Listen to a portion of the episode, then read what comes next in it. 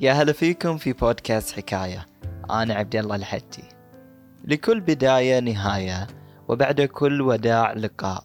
اليوم ننتهي من موسمنا الأول البسيط في عدد الحلقات والكبير بشخصياته وحكاياته. ذكرنا حكايات عديدة عشت معكم كل الحكايات وجسدتها صوتا وروحا. ولكننا اليوم سنستمع إلى حكاية بودكاست حكاية حيث سأكون فقط عبد الله.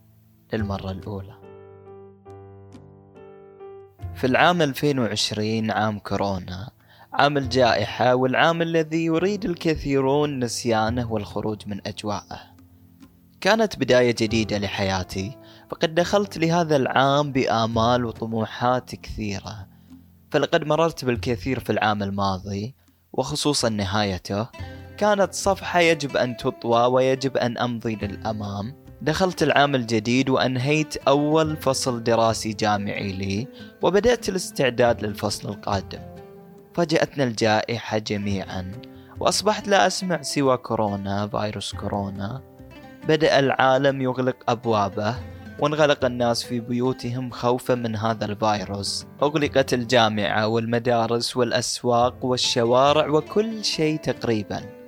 أغلقوا جميعا أبوابهم وفتحت أنا بابي بعد الظلام. وبعد الفترة الصعبة بدأت أرى النور على شكل أشخاص وبدأت الحياة تدب فيني مرة أخرى. وفي وسط زحام الجائحة وفي الصيف تحديدا كنت في فترة تدريبية في وزارة الإعلام هنا في البحرين.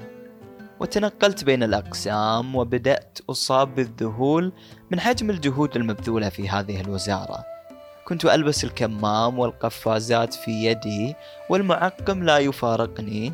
الموظفين ينعدون على الأصابع ولكني استفدت الكثير من هذه التجربة. فقد مكثت فترة في إذاعة البحرين واللي كنت أقول عنها في بداية الأمر ما هذا؟ وهل عاد للصوت قيمة في وجود كل ما لدينا من تقنية؟ وفي أحد المرات كنت أتريض في الفريج واستمع إلى الموسيقى فتمللت منها وقلت ليش ما أسمع شيء ثاني؟ كان عندي فضول عن هذا البرنامج البنفسجي الموجود في هاتفي الآيفون والذي ليس فيه إلا برامج صوتية فتحته واستمعت إلى أول بودكاست بإنصات. نسيت تعب الجري وبدأت أعيش ما أسمعه يوم ورا يوم. أصبح البودكاست روتين يومي. وكنت في نفس الفترة متدربا في الإذاعة. بدأت أحترم الصوت وبدأت قصة حب معه. فبعد تجاهلي للإذاعة التي كانت عبارة عن عماد وسيمة وقصص إذاعة الكويت في سيارة الوالدة في ذكريات الطفولة احترمت الصوت وعشقته فالأصوات هي رابط يربطنا بمن نحب. فنقول مثلا فلان صوته جميل صوته فخم وأحب أسمع صوته فالصوت رابط لا نستطيع الاستغناء عنه أبداً. استمعت إلى عدد كبير من البودكاستات وقلت أبي أسمع شيء مني من نفسي. وش اللي بيمنعني مني أبدأ بودكاستي الخاص؟ أنا طالب إعلام وعندي تجربة مع الصوت وخلني أتعلم.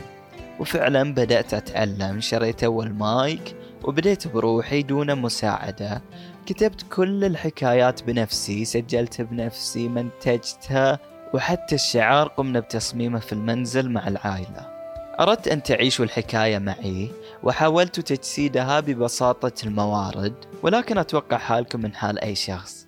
متأكد في أسئلة في بالكم ولكن أنا عندي فضول أيضا. فخل أسأل محيطي كم من سؤال؟ لا تحاتون. وأرجع أسأل نفسي أيضا. هل كنت تعرف شنو هو البودكاست؟ أه لا ما كانت عندي فكرة عن آه، البودكاست من قبل. اي بس ما كنت أسمع بكثرة. لا بس أول مرة أسمع دي البرنامج. ما عرفت إلا من خلالك ومن خلال آه، حكاية. آه إيه كنت أعرف شنو هو البودكاست بس ما كنت مهتمة. ما ما كان يشدني آه، موضوع البودكاست وما قط يعني سمعت قصة بودكاست من البداية للنهاية. ما هو حكاية بالنسبة لك؟ قبل كنت لين أسمع حكاية إي على بالي قصة. لكن عقب ما الأخ عبد الله دش في هالمجال صرت إذا أسمع حكاية أول شيء في بالي البودكاست. الأول مرة عرفتي عرفنا يعني وفهمنا حكاية بالنسبة لي عشر دقائق إلى ثلث ساعة من الراحة النفسية والانتقال إلى زمن آخر غير الزمن اللي أنا فيه. حكاية بالنسبة لي آه، مكان ينشر فيه قصص الأوادم اللي ما حد عرف عنها شخصيات ما ما قد طلعت يعني. لما أسمع اسم حكاية أتي في بالي قصة أو تجربة. شنو أكثر حكاية عجبتك؟ حكاية محمد روشد أه، أعجبتني قصة محمد أكثر ما عجبتني. فيها كثير من القيم وال- والأفكار اللي, اللي, اللي ممكن الواحد يستخلصها من ال- ال- الحكايات اللي, اللي, اللي سمعناها. حكاية حمود. أكثر حكاية عجبتني. أكثر حكاية عجبتني هي حكاية كفاح.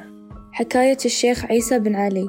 لامستك أه، قصة سعيد القص الحلقة الثانية إذا ما خانتني الذاكرة أه، اللي أيضا بدأ حياة أه، نجح وفشل ونجح وفشل ون- يعني الحياة بين وبين وما زال مستمر. بكل أريحية. أكثر حكاية لمستني هي حكاية حمود لأنه هو انخان من أقرب الناس له ومع ذلك كمل وتجاوز واشتغل على روحه. موت محمد روشد حبيته واجد عجبني الكلام عجبني الحكي. حكاية محمد لأن حسيت إنها حركت مشاعري. وأكثر حكاية لمستني هي حكاية محمد.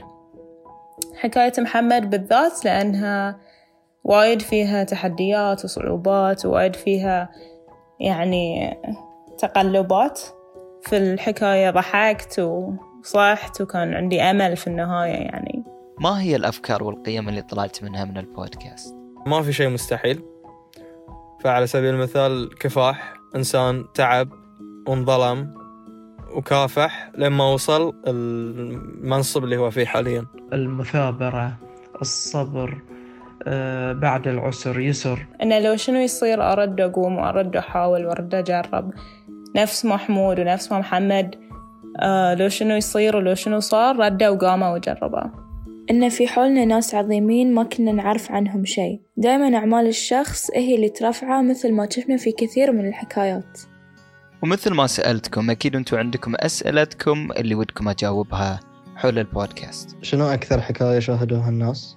طبعا أكثر حكاية شاهدوها الناس كانت حكاية محمد اللي هي أول حكاية ومن ثم حكاية كفاح وأكثر حكاية تعبت فيها؟ هي أكثر من حكاية. حكاية حكيم البحرين الشيخ عيسى بن علي أه تعبتني بسبب أن فيها مراجع ولازم تتأكد من الكلام اللي بتقوله. وأيضا الحكاية الأولى حكاية محمد أه لأن كانت تجربة جديدة بالنسبة لي. فما كنت متعود على الكتابة تجميع القصص وغيرها. وليش حكاية؟ أه طبعا ليش حكاية؟ أه لأن أنا أحب القصص والحكايات من زمان وأحب أقرأها وأقولها حق الناس وأحب حكايات الشخصيات. وطبعا في فرق بين كلمة قصة وكلمة حكاية. ففي الحكاية اللي يحكيها الشخص وممكن ما تكون مثل القصة القصة تكون محبوكة ال- الشخصيات وتكون مثلا في كتاب أما الحكاية فتروى شفهيا مثل ما عندنا في البودكاست. والحكاية الأقرب لقلبك. آه، طبعا كل الحكايات قريبة حق قلبي. آه، ولكني بختار الحكاية اللي حبيتها أكثر شيء وهي حكاية كفاح. يعني فيها فيها أشياء كثيرة شخصية ملهمة. ولما قعدت مع الشخصية آه، شفت أشياء كثيرة وتفاجأت للأمانة. فهي الحكاية اللي حبيتها يعني أكثر شيء.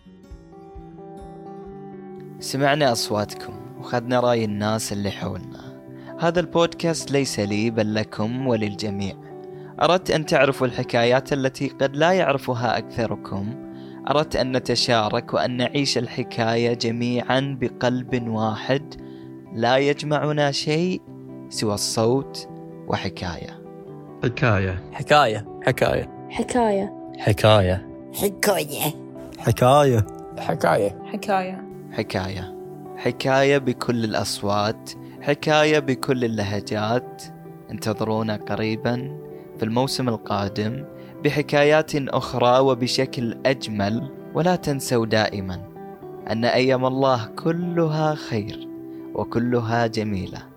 أنا عبد الله الحجي شكرا لاستماعكم ونلقاكم على خير.